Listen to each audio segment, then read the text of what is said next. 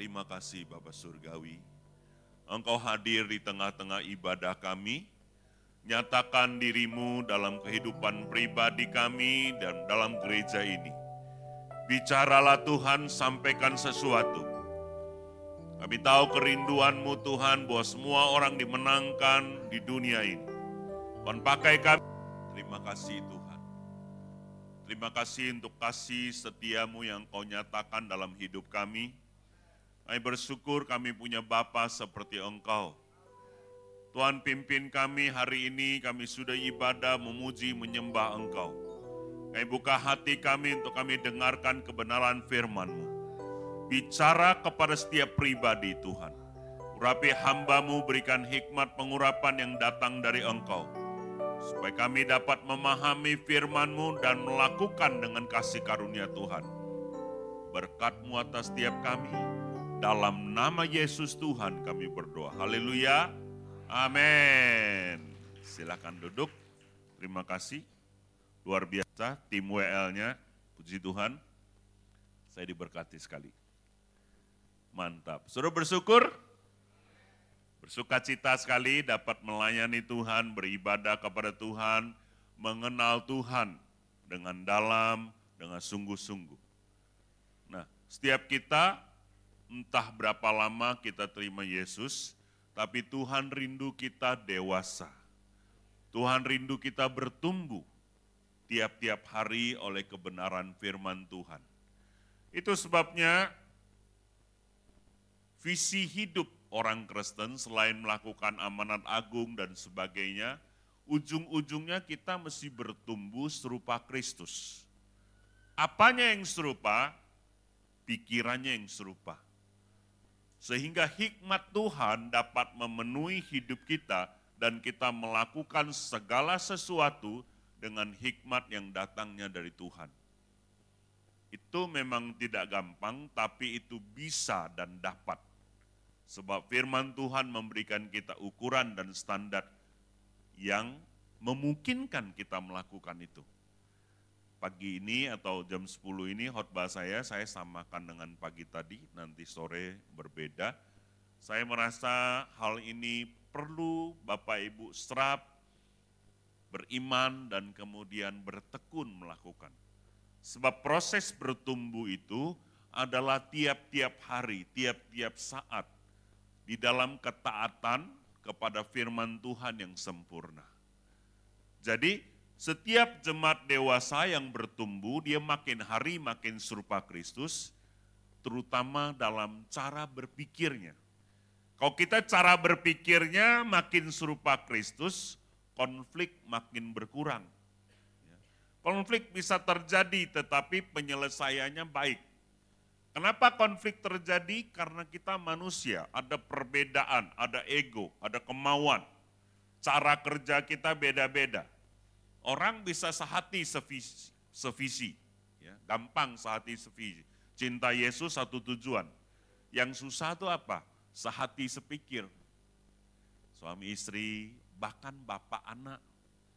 Lain cara berpikirnya. Apalagi di dalam kejemaatan, kepengurusan gereja, yang menjadi pergumulan itu sehati sepikir. Bagaimana orang bisa sepikir? Banyak diskusi, saling terima, kemudian mengenakan pikiran Kristus. Kalau tiap-tiap orang mengenakan pikiran Kristus, pasti sepikir. Nah, persoalannya adalah mengenakan pikiran Kristus itu butuh kebiasaan, butuh latihan, butuh ketaatan yang terus-menerus. Sebab kita ini kan maunya menurut pikiran kita. Ya, jangankan pikiran Kristus, mengikuti pikiran kesehatan saja saya susah. Menurut kesehatan mesti olahraga 3-40 menit tiap hari, makannya sayur dan buah, kurangi daging, ya kan? Itu sudah standar. Tapi karena saya dari kecil makannya ayam, makannya bakmi, ya kan? Olahraganya jarang, nah itu saudara perlu ketaatan dan latihan itu baru pikiran kesehatan, belum lagi pikiran firman Tuhan.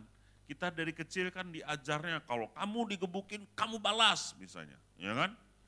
Kamu wah sekolah baik-baik, cari uang yang banyak.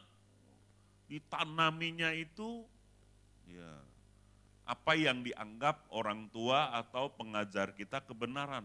Waktu kita kebentur sama firman, mau berubah gak gampang. Karena apa yang kita terima dari kecil itu belum tentu selaras dengan firman Tuhan. Itu sebabnya latihan orang Kristen yang paling berat adalah pembaharuan budi. Pembaharuan budi saya cari-cari di Alkitab bahasa Mandarin ya. Maksudnya adalah saudara kita ini uh, kaipian sing maksud hati kita mesti dirubah untuk sepaham, sekehendak dengan Kristus. Memurnikan maksud hati mengikuti pikiran Kristus. Wah itu berat. Ya, tapi itu dapat dilakukan Nah, mari kita lihat firman Tuhannya, bagaimana kita bisa dewasa dalam Kristus. Roma pasal 12 ayat pertama sampai dengan ayat yang ketiga. Ya. Ayat ini menarik saudara. Ada lima langkah sebenarnya bagaimana kita menjadi dewasa dalam Kristus. Saya bacakan ayat pertama, nanti Bapak Ibu ayat kedua. Karena itu saudara-saudara, demi kemurahan Allah aku menasihatkan kamu, supaya kamu mempersembahkan tubuhmu sebagai persembahan yang hidup, yang kudus, yang berkenan kepada Allah, itu adalah ibadahmu yang sejati. Ayat 2, silakan.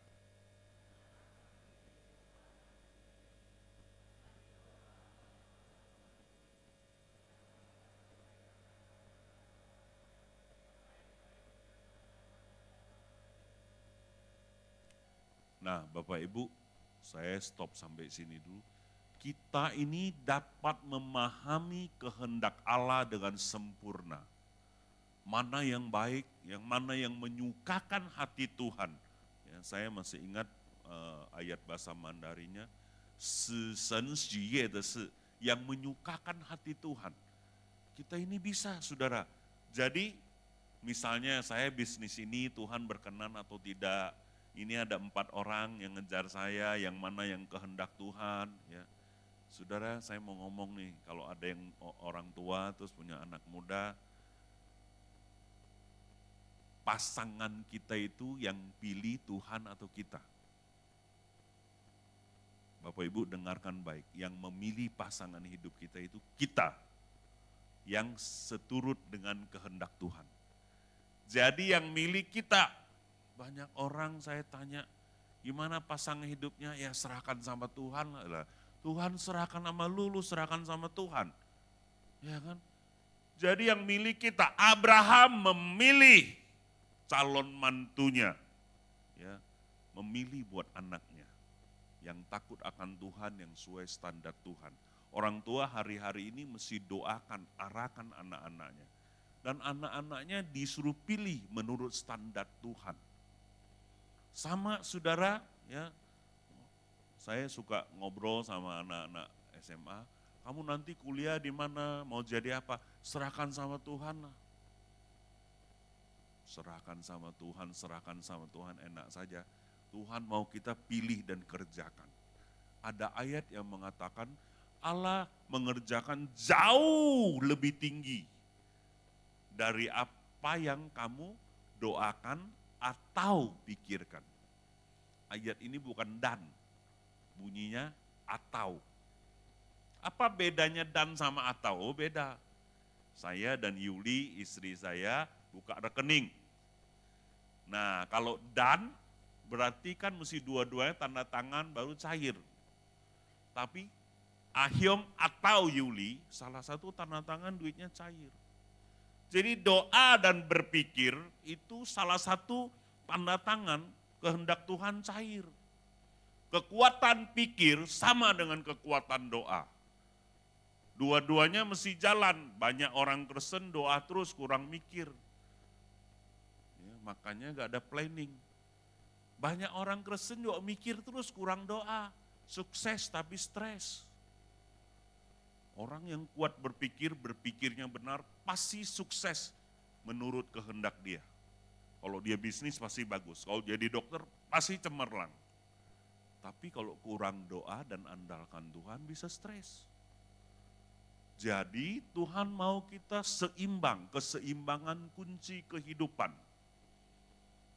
Hari ini ya saya mau ajak Bapak Ibu baharui pikiran kita supaya kita dapat berpikir seperti Kristus berpikir. Orang Kristen yang dewasa, cara dia berpikir itu cemerlang, dewasa, penuh hikmat. Dan itu bisa didapat dari baca firman, taat, dan latihan terus-menerus. Kadang-kadang orang yang berhikmat itu IQ-nya nggak nggak nggak usah harus tinggi-tinggi, tapi dia pintar sendiri kelihatannya. Kan banyak orang yang IQ-nya tes sederhana, tapi dia taat sama firman, eh apa yang dia kerjakan berhasil. Ya, bukan IQ-nya Tuhan tambahkan, enggak. Hikmat Tuhan menyertai dia. Dia kerja sesuai standar firman Allah. Maka keberuntungan dari Tuhan turun atas hidupnya. Itu dia. Tapi kalau kita pintar, wah ngeluk sana, hantam sini, putar sana, ujungnya dapat nih 2M. Nanti habisnya 4M. Tekor 2M. Jadi mana Pak yang dipakai? Kalau saya bilang dua-duanya. Pikiran mesti dipakai, doa tetap dijalankan supaya kita menjadi Kristen dewasa yang seimbang. Ya, saya sangat tidak setuju orang yang menjawab serahkan kepada Tuhan dan tidak melakukan apa-apa. Ya, itu berat sekali. Ya. Saya bertemu maaf banyak hamba Tuhan yang begitu. Akhirnya hidupnya tidak terplanning, hidup anak-anaknya tidak terplanning. Gerejanya juga tidak terplanning Nah, kita Bapak Ibu mesti berdoa dan berpikir untuk mengikuti kehendak Allah yang sempurna. Jangan takut bilang, ah nanti itu kan pikiran saya. Kalau kita taat, hidup takut akan Tuhan, pikiran Kristus akan dikenakan di dalam pikiran kita. Ya. Yesus itu kalau kita agak kenal dia adalah Tuhan, itu sombong bawaannya, seolah-olah. Lihat Tuhan bilang, tidak seorang pun yang datang kepadaku, datang kepada Bapa tanpa melalui aku. Akulah jalan kebenaran dan hidup. Di tengah-tengah pasar dia ngomong gitu. Wah, kalau kita gak kenal Tuhan, ada orang bilang tiba-tiba di pasar, akulah jalan kebenaran dan hidup. Ini manusia dari planet mana? Makanya orang Yahudi mau bunuh Yesus. Karena perkataannya itu dilihat seolah-olah otoriter dan sombong. Tapi Tuhan bukan sombong, memang dia punya wewenang. Memang dia sudah punya kuasa dan itu tidak dibuat-buat. Muridnya Yesus Paulus, dia bilang gini, aku melihat ini akan ada badai dan kapal kita akan karam. Wow, lu nakoda bukan, pelaut kagak. Ya gak? Tapi apa yang dia ucapkan benar terjadi. Kenapa? Karena pikiran Kristus, apa yang Yesus yang Bapak pikirkan, Paulus paham.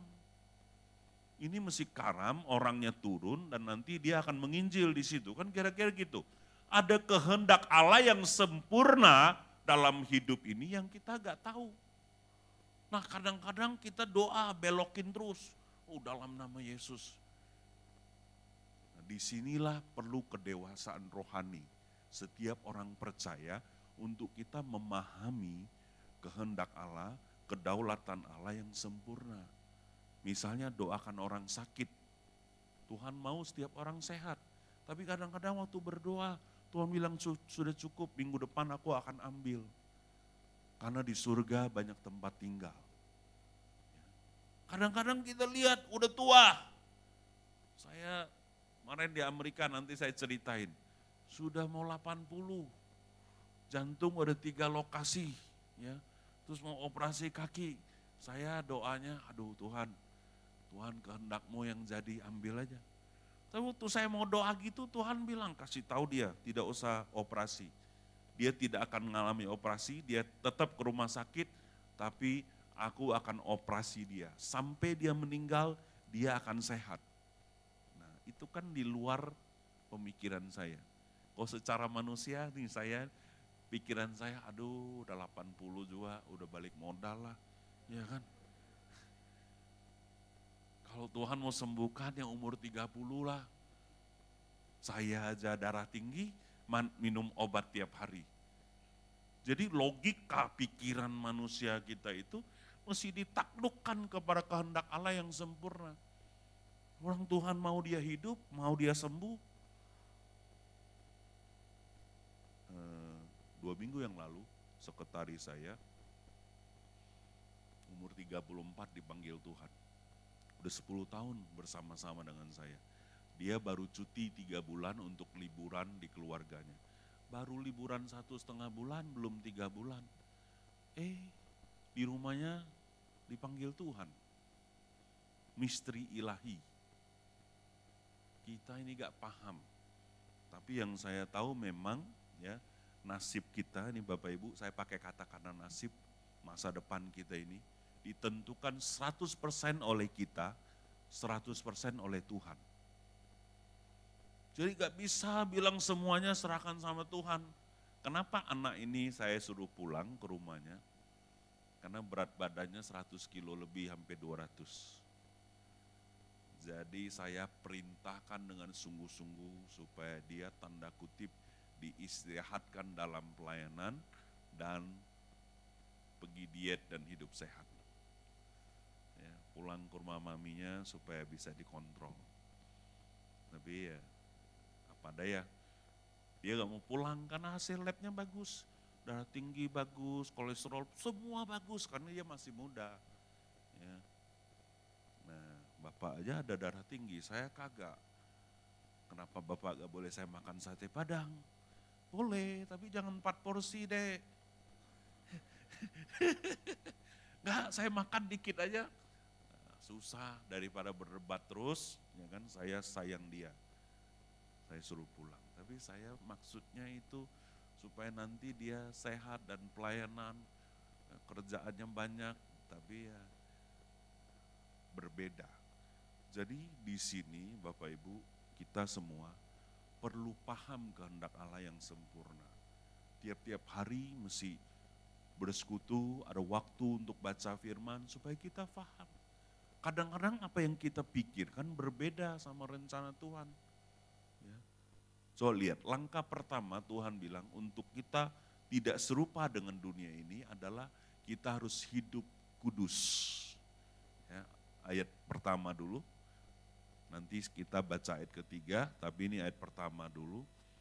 Karena saudara-saudara demi kemurahan Allah, lihat kalimatnya, Allah itu murah hati, dia tidak paksa kita, dia menyerahkan kehendak bebas kepada setiap manusia Mau pilih jodoh, mau percaya Yesus atau tidak, mau hidup seperti apa, itu kamu yang putuskan.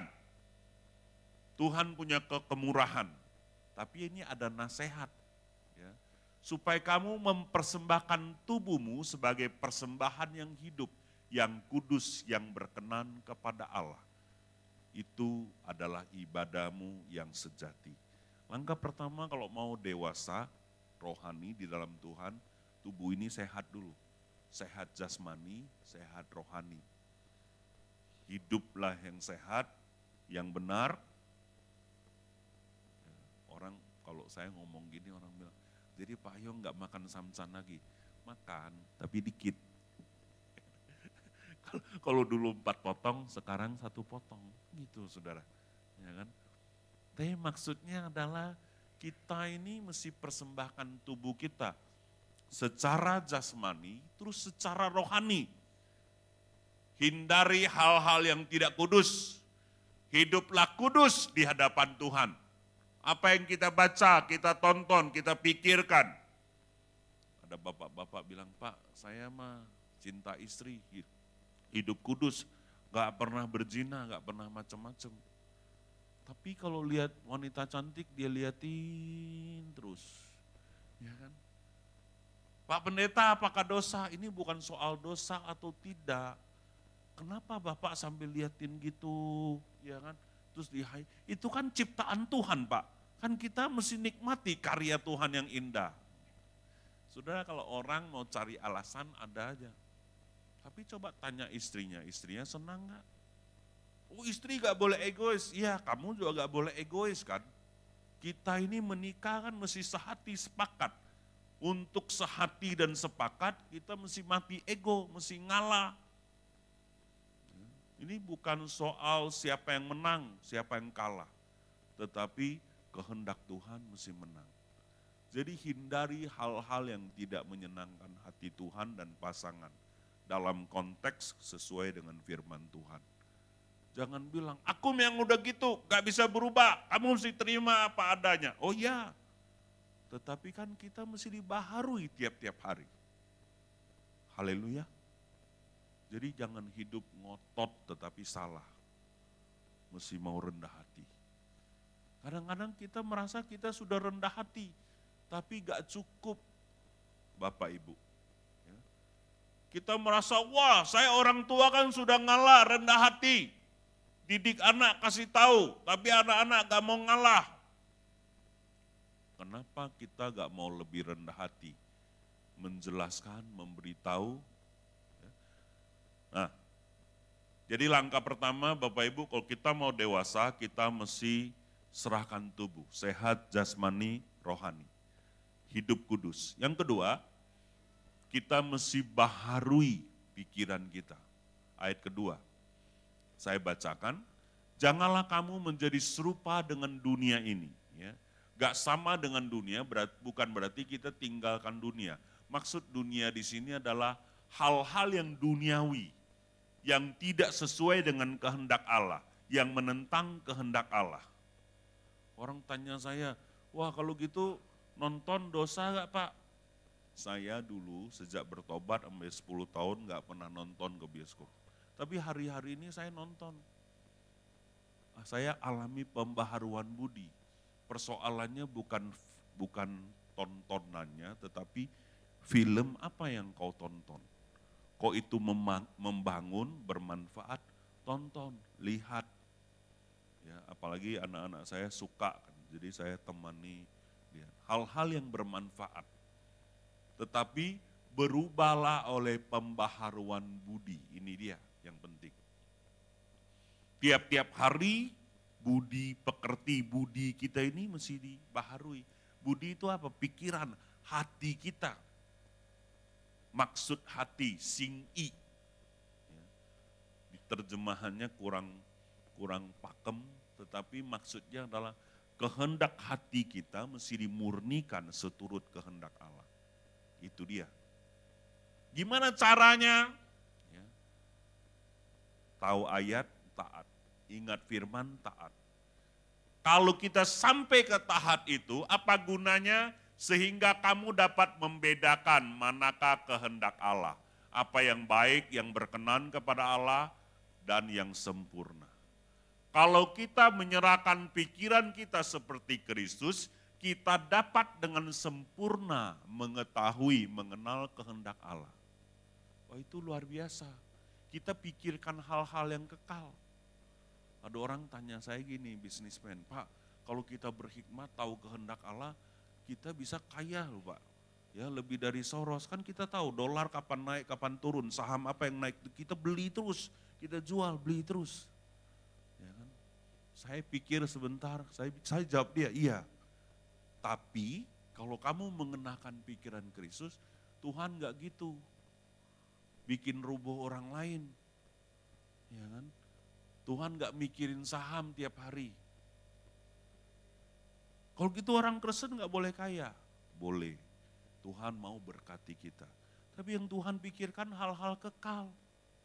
Ingat satu hari kita semua akan meninggal pasti punya.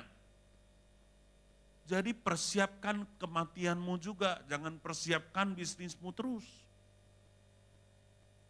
Kok kita dapat mengenal kehendak Allah dengan sempurna, cara kita ambil keputusan dan berpikir beda. Saya, dulu saudara tidak kenal Tuhan. Caranya saya mau dapat ilmu ya ke gunung itu, piara ini, piara itu, ujung-ujungnya supaya kaya aja. Supaya tahu nanti bola kaki yang menang yang mana, pasangnya yang banyak. Ya, supaya tahu nanti ya nomor dulu ada toto harapan apa yang bukanya nomor apa. Itu aja kerjanya saudara. Tetapi ketika kita mengenal Tuhan tambah dalam oh pikiran Tuhan tidak melulu uang. Pikiran Tuhan tuh jiwa-jiwa. Hal-hal yang kekal. Bagaimana menyelamatkan yang terhilang. Makanya dengan sadar saya tutup semua bisnis saya, ada yang dikasih ke adik, delegasikan dan akhirnya saya full time pelayanan. Ya. Ini karena saya berpikiran Tuhan taruhkan pikiran Kristus di dalam pikiran saya. Jadi bukan semata-mata, wah full time gimana-gimana bayar harga. Ini bisnis yang baik. Cari jiwa ini Bapak Ibu kita dapat upah di surga. Ya, luar biasa. Kenapa bisa gitu? Ya, kita mengerti kehendak Allah. Jadi kalau kita terus-menerus dewasa, Bapak Ibu tidak akan ribut soal harta. Kenapa gak ribut? Kenapa bisa aman? Karena kita tahu pemeliharaan Tuhan. Kita tahu Allah bekerja jauh lebih besar. Lihat semua hamba Tuhan, pelayan-pelayan Tuhan yang hidup takut akan Tuhan, hidupnya tidak kekurangan. Apa saja yang dia butuhkan, Allah pelihara. Lewat apa yang dia kerjakan. Bisa saudara, Rasul Paulus, dia tahu penjara dan kematian menantikan dia di Roma. Tapi dia masih kerjakan terus. Tapi seluruh kebutuhan hidupnya dia gak pusing. Tuhan pelihara. Saya mau bilang gini, Bapak Ibu apa yang kau butuhkan? Kesehatan, hikmat, kekuatan, keuangan, Tuhan akan kasih. Tapi pikirkanlah kerajaan Allah. Bekerjalah bersama Tuhan. Siapkanlah hal-hal yang kekal dalam hidupmu. Supaya ketika satu hari engkau dipanggil Tuhan, engkau dapat mendengar sabaslah hambaku yang setia. Engkau sudah melakukan apa yang menjadi kehendakku. Hidup ini terlalu singkat Bapak Ibu. Jadi mari izinkan kita dibaharui budi kita. Cara-cara kita mengambil keputusan, bergereja, berorganisasi, berbisnis, itu gak boleh pakai cara-cara duniawi pakai cara-cara surgawi. Dan jangan takut engkau tidak diberkati. Tuhan akan memberkati luar biasa dengan seluruh kekayaan dan kemuliaannya. Haleluya saudara. Percayalah kepada Tuhan, percayalah. Dia jauh-jauh lebih kaya dan mempersiapkan apa yang kau butuhkan.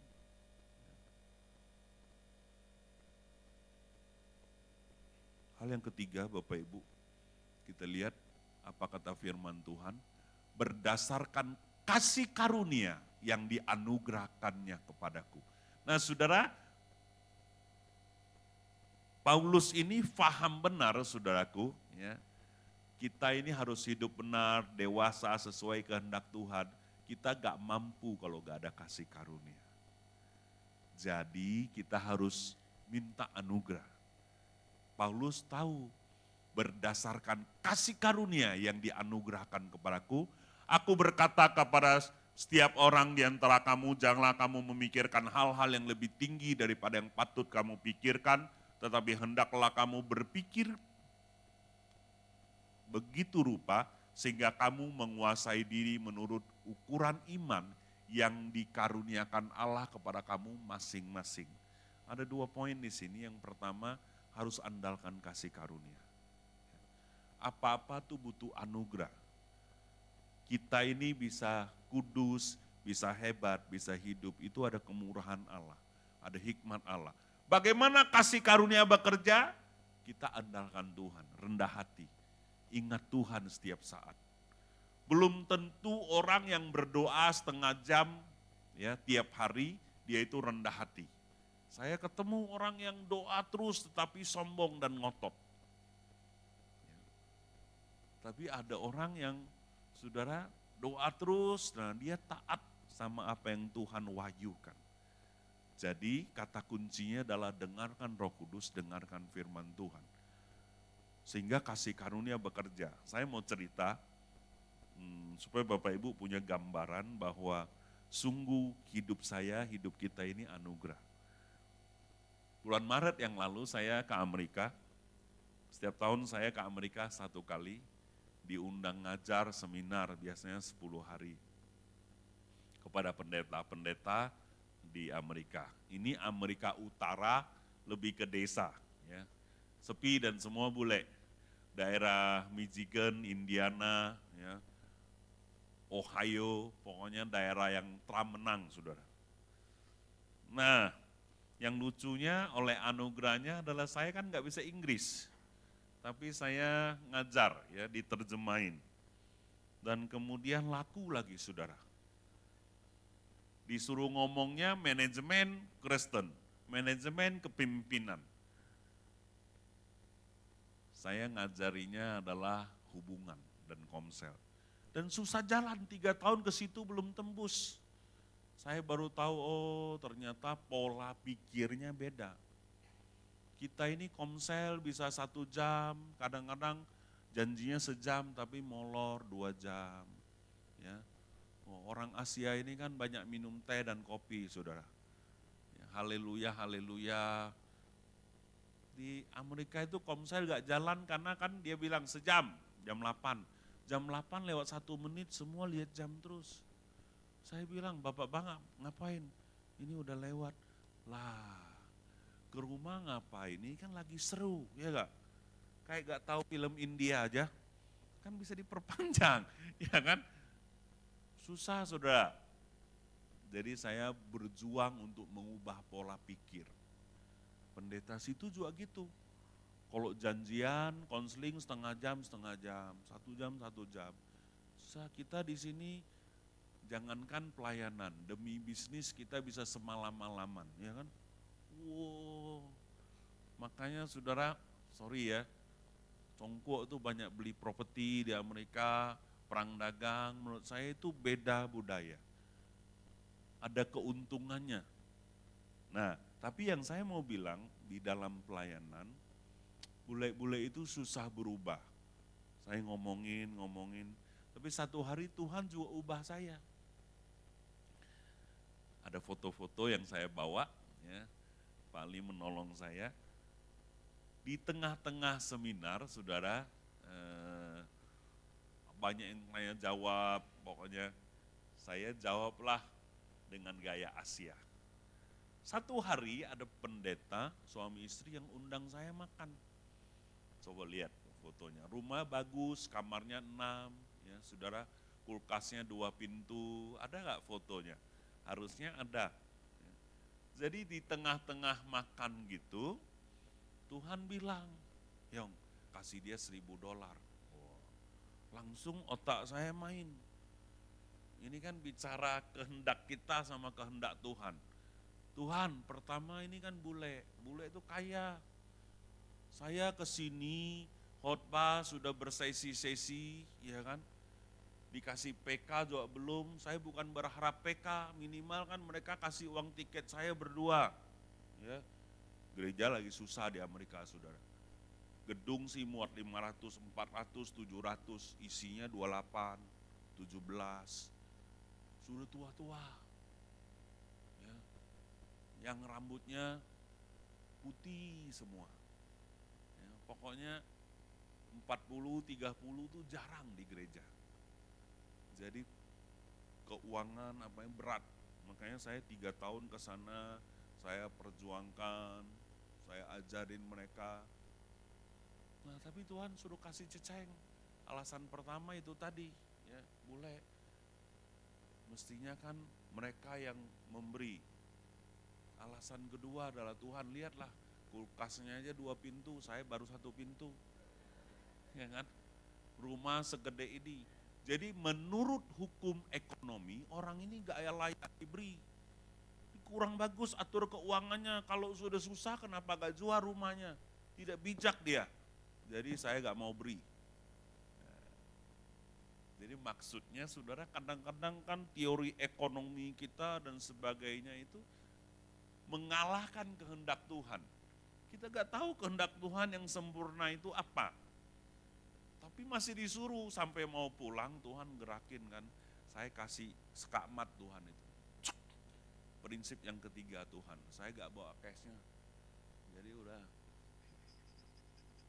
Jadi saudara susah mau taat. Kalau ceceng rupiah saya kasih aja cepet. Kalau ceceng dolar kan saya banyak alasan. Ini diuji dulu. Oke, pulang. Pulang malam waktu doa mau tidur gelisah kan hati saya. Saya cerita sama Yuli, ma tadi itu lucu ya.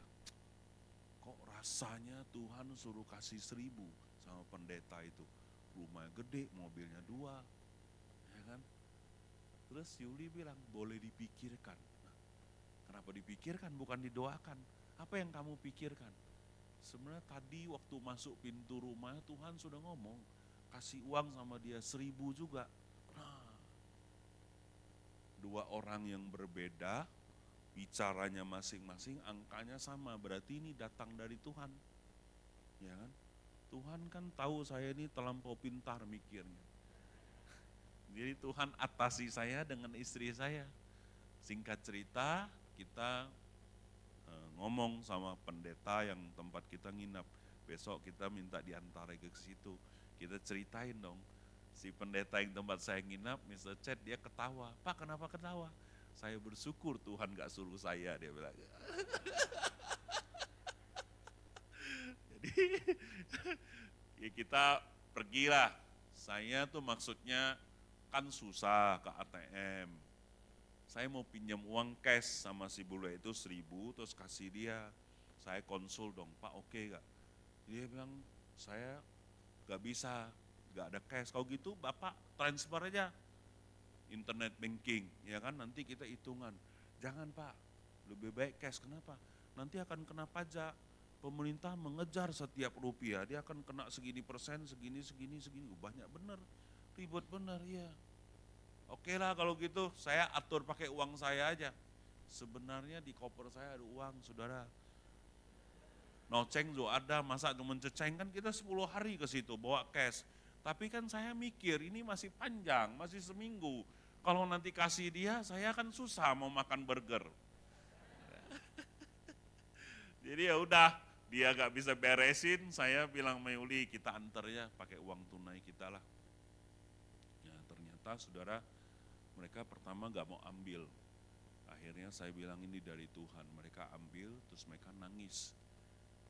Bule itu gengsian saudara, jarang-jarang dia nangis dan curhat. Ternyata mereka ini 20 tahun di Afrika jadi misionaris. Kenapa ambil rumah besar karena mereka adopsi orang-orang Afrika, anak-anak untuk sekolah di Amerika. Ya. Jadi ambil rumah besar, rumah sewa bukan beli. Mereka ini hamba Tuhan. Nah, terus kontrak kerja sama gereja lokal yang besar setempat. Dua tahun kontraknya tapi gak tahu kenapa perbedaan gaya kerja dia diputus kontraknya. Dibayar, resign, dan sudah nganggur tujuh bulan. Makan pun susah. Eh waktu dia dengar kami pendeta dari Indonesia datang, kan, oh jauh nih Indonesia. Tuhan bicara sama mereka, ajak kami makan siang. Tapi mereka bilang, kami aja susah makan Tuhan. Mereka teringat dengan janda miskin yang punya roti cuma seketul tapi kasih pendeta makan. Mereka taat pergi ambil buah-buahan di city. Kan di city itu ada tempat untuk orang miskin dan susah. Jadi supermarket yang barangnya mau kada luar drop situ. Jadi mereka bisa ambil bebas. Mereka ambil, masak, beri kami makan. Dan Tuhan bicara lewat kami. Saya kasih tiga alasan sama Tuhan untuk tidak memberi, tapi Tuhan kasih saya dua alasan untuk memberi Pertama adalah kamu mesti berkati Amerika mewakili Indonesia. Ya. Yang kedua adalah beritahu mereka saya Tuhan tidak pernah tinggalkan mereka. Saya ngomong gitu dua-duanya meraung-raung. Karena mereka dalam tahap putus asa. Gak ada jalan. Mau kerja, mau kerja apa saja, potong rumput pun oke. Karena mereka sudah dikasih surat, Senin mesti keluar dari rumah itu, belum bayar uang sewa. Saya Jumat antar uangnya sore hari. Nah, maksud saya ceritakan ini Bapak Ibu, kadang-kadang kita terlampau pintar, termasuk pendeta. Ya kan? Susah buat taatnya. Ya. Tapi kalau kita mau taat, budi kita ini dibaharui seturut pikiran Kristus, bisa, Bapak Ibu. Ya. Kenapa bisa? Ada kasih karunia. Ada kemurahan Tuhan menolong saya dan Yuli untuk taat. Ya, terutama saya banyak diingatkan oleh Yuli. Jadi Bapak Ibu, kita ini bisa taat, dibaharui, andalkan kasih karunia. Nah sejak hari itu Bapak Ibu, mereka ini semua 60-an gereja, itu gereja protestan jadi tidak ada bahasa roh, tidak ada kesembuhan ilahi, karunia roh semuanya. Begitu saya ngomong di atmosfer, di alam roh itu berubah.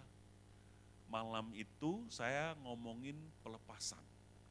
Eh ada 30 pendeta lebih maju ke depan dilayani pelepasan. Dan itu heboh di Facebook situ, di media situ, karena itu pendeta S2 semua, sekolah pintar-pintar tapi belum pernah lihat yang manifest. Mereka ibadah gak boleh tepuk tangan dan lipat tangan. Ya, semua pakai jas. Ya. Saya tanya kenapa gak boleh tepuk tangan? Dia bilang kurang sopan, yang teriak-teriak gitu. Ya. Kelasnya kelas rendah dia bilang. Ibadah gulung-gulung gitu, kurang rapi. Jadi mereka tuh standar, ya kurang educated dia bilang yang kayak gitu-gitu begitu dia lihat karya Roh Kudus, wah, mereka pendeta yang maju di lainnya pelepasan. Muntah-muntah juga Bapak Ibu. Ya kan? Untung saya gak kasih video, Pak ini kurang educated. Ini.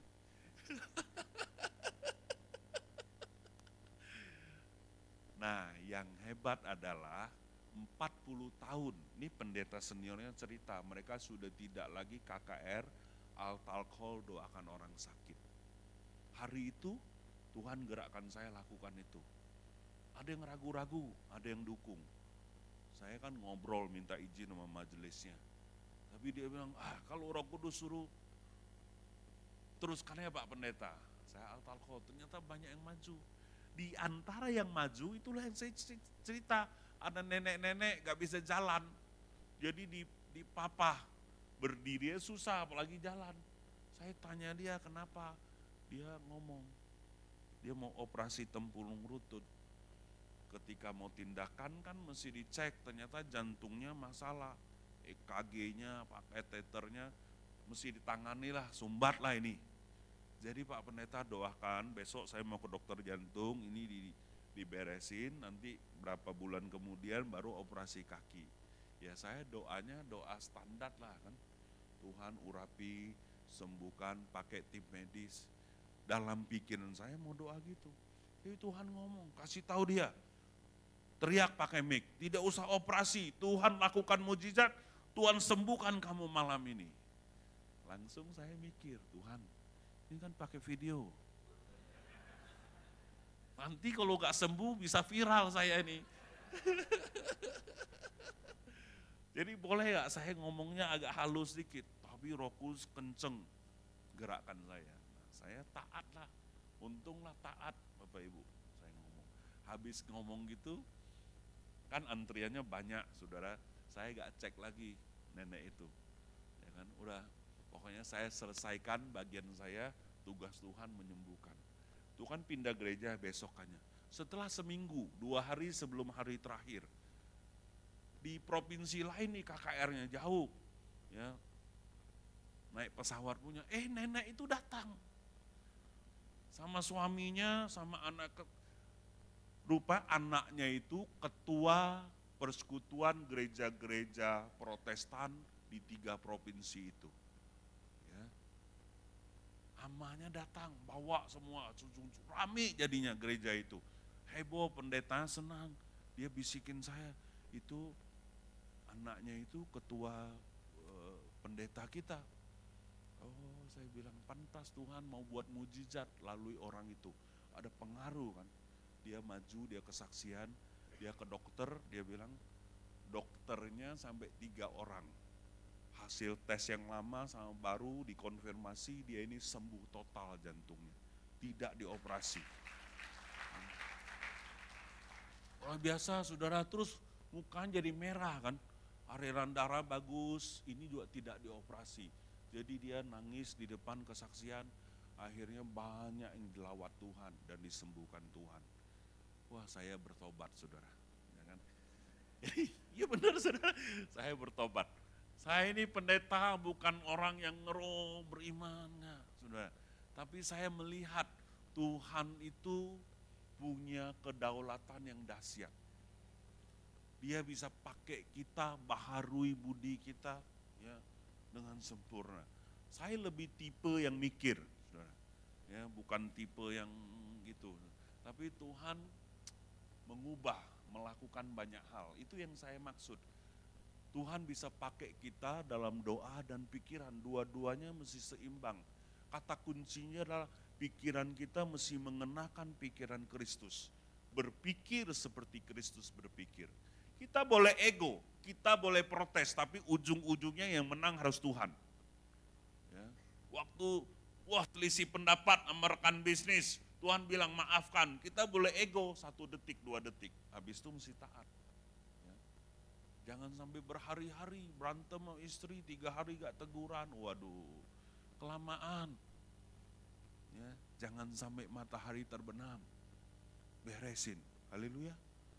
Ini namanya pembaharuan budi, dan ini PR tiap-tiap hari. Gak bisa beres sama KKR dua jam ini. Mesti baca Alkitab tiap hari dibaharui sehingga kita mampu memahami kehendak Allah dengan sempurna. Itu yang saya mau sampaikan. Yang terakhir, masih ada waktu gak ini? Nah, boleh ada dikit, tiga menit. Ya. Yang terakhir, saudara, kita ini mesti jaga hati kita. Ayat ketiga, bagian akhir. Maksudnya gini, Janganlah kamu memikirkan hal-hal yang lebih tinggi daripada yang patut kamu pikirkan, tapi hendaklah kamu berpikir begitu rupa. Nah, saya waktu baca ini dulu pertama, kok Tuhan nggak mau kita berpikir tinggi-tinggi? Kan kita ini mesti menggantungkan cita-cita setinggi langit, kata guru SD saya dulu. Ya, saya masih ingat. Tapi firman Tuhan kok bilang jangan pikir yang tinggi-tinggi saya baca lagi, tetapi hendaklah kamu berpikir begitu rupa, sehingga kamu menguasai diri menurut ukuran iman yang dikaruniakan Allah kepada kamu masing-masing. Barulah satu tahun ini saya ngerti dalam ayat ini, Tuhan bukakan. Jadi maksudnya gak boleh pikir tinggi-tinggi, harus sesuai ukuran iman tuh gini. Kita ini gak boleh ambisi, ikuti kemauan kita pribadi. Aplikasinya apa? Hari-hari ini orang dekat saya, saudara dan beberapa kenalan dan jemaat banyak bangkrut. Hutang terlalu banyak. Kenapa? Harusnya kehendak Tuhan dan iman dia puterlah 2M itu. Tapi dia gak cukup, kredit 10M. Sudah kredit 10M, lancar, kredit lagi 10M, 20M. Puter terus ambisi terus, nggak selesai-selesai. Ya, minggu lalu saya ketemu satu lagi baru tambah plafon kredit. Jumlah plafonnya semua 400 miliar. Terus dia konseling sama saya. Ini corporate gitu, jemaat punya bos, punya saya bilang, om, aduh, om, om. Menurut saya topiknya bukan tambah plafon lagi atau tidak tapi bagaimana caranya anak-anak om itu mau kerjakan ini dan pahami. Sekarang anaknya om pecat, pakai direktur. Kenapa om? Yalah, direktur yes bos, beres. Anak saya kalau dikasih tahu melawan. Ya kan, saya pecat aja dia suruh kerja keluar. Nah, saudara, kadang-kadang kita ini kurang rendah hati untuk kasih nasihat, untuk memuridkan. Jadi, tiap-tiap orang tuh ukuran imannya beda. Kita ini kan sudah kena gelombang badai dan sebagainya. Cara pikirnya sudah lebih oke. Okay. Anak kita kan baru lulus dari Inggris. Umur baru 27. Mau dia hebat seperti om, tunggulah dia umur 67. Ya kan? Jadi pikiran kita dikenakan sama anak kita, gak bisa saudara. Jadi tiap-tiap orang itu ada pertumbuhan, ada batasannya. Sesuai dengan tingkatan iman dan pengertian dia. Itu maksudnya. Jadi kalau kita belum kesampaian, jangan nafsu tinggi-tinggi. Kerjakan dulu dengan setia apa yang ada. Saya sudah lihat banyak orang punya mimpi, cerita terus, wah mau begini, mau begini akhirnya apa-apa pun gak jadi. Kerjanya apa? Ngobrol di warung kopi. Bisa tiga jam dia cerita tentang partai politik. Tapi berapa lama? Sepuluh tahun di situ. Tiap hari saya lihat ada empat lima orang. Ceritain Jokowi, ceritain, ceritain dulu dia gitu. Eh tahu-tahu duduk dua jam kan mau kopi lagi. Habis ngutang minta air panas. Kalau berkisah sih boleh, semua dia tahu wah begini begini, tapi kenyataannya tidak menghasilkan apa-apa. Jadi kita ini janganlah berpikir yang muluk-muluk, tetapi tidak mulai dari dasar. Itu maksud ayat ini. Sesuai dengan anugerah dan imanmu masing-masing, kerjakanlah. Kalau memang baru lulus ya kerjakan, kalau dipercayakan baru jadi pengerja, nyapu-nyapu gereja, sapulah gereja dengan tulus dan sukacita nanti ada waktunya. Tuhan akan angkat kita. Kalau baru jual lumpia lakunya 10, gak apa-apa, setia aja. Nanti ada saatnya gulungannya tuh bukan lumpia lagi. Ya, Tuhan akan angkat. Jadi hidup tiap-tiap orang tuh beda sesuai dengan karunia iman. Tuhan berdaulat atas hidup kita. Gak bisa habis dibandingin mari kita mengucap syukur dengan apa yang Tuhan percayakan. Cukupkan dirimu dengan apa yang ada padamu. Jangan digulung terus. Sekali lagi kita akan meninggal satu hari. Persiapkan hari kematianmu Bapak Ibu. Hiduplah bijaksana menghitung hari-hari supaya engkau mengerjakan kehendak Allah yang sempurna dalam hidupmu. Mari kita datang kepada Tuhan, kita mau berdoa. Haleluya. Bapak Surgawi terima kasih. Hari ini hambamu sudah sampaikan apa yang kau taruh di hati hamba. Tuhan engkau Allah yang besar, kau Allah yang baik. Berkati jemaat ini. Baharui budi kami supaya tiap-tiap hari pikiran kami makin serupa Kristus. Bapak Ibu kalau engkau dengar firman dan engkau merasa ya Tuhan, aku mau miliki hati dan pikiran seperti Kristus. Ajar dan ubah aku sesuai dengan firman-Mu. Aku mau berubah, taruhkan tanganmu di hatimu. Saya ingin berdoa buat setiap engkau, supaya ada anugerah ada kasih karunia, ada kemampuan dari Allah memampukan engkau taat kepada firman Allah sebagai otoritas tertinggi dalam hidupmu. Dengarkan baik kalau Tuhan bicara di hatimu, Tuhan bicara lewat khotbah, lewat Alkitab yang kau baca, taatlah. Jangan lawan dengan pikiranmu. Memang kadang-kadang tidak sesuai dengan pikiran manusia kita tapi Tuhan berdaulat atas hidupmu. Tuhan sempurna. Tuhan mau pakai engkau untuk melakukan tujuannya yang sempurna di dalam dunia ini. Bapak engkau memberkati setiap kami. Kau lihat tangan dan hati kami. Setiap kami datang dan rendah hati. Ubah dan baharui kami supaya kami hidup dewasa. Tiap-tiap hari didewasakan dalam Kristus.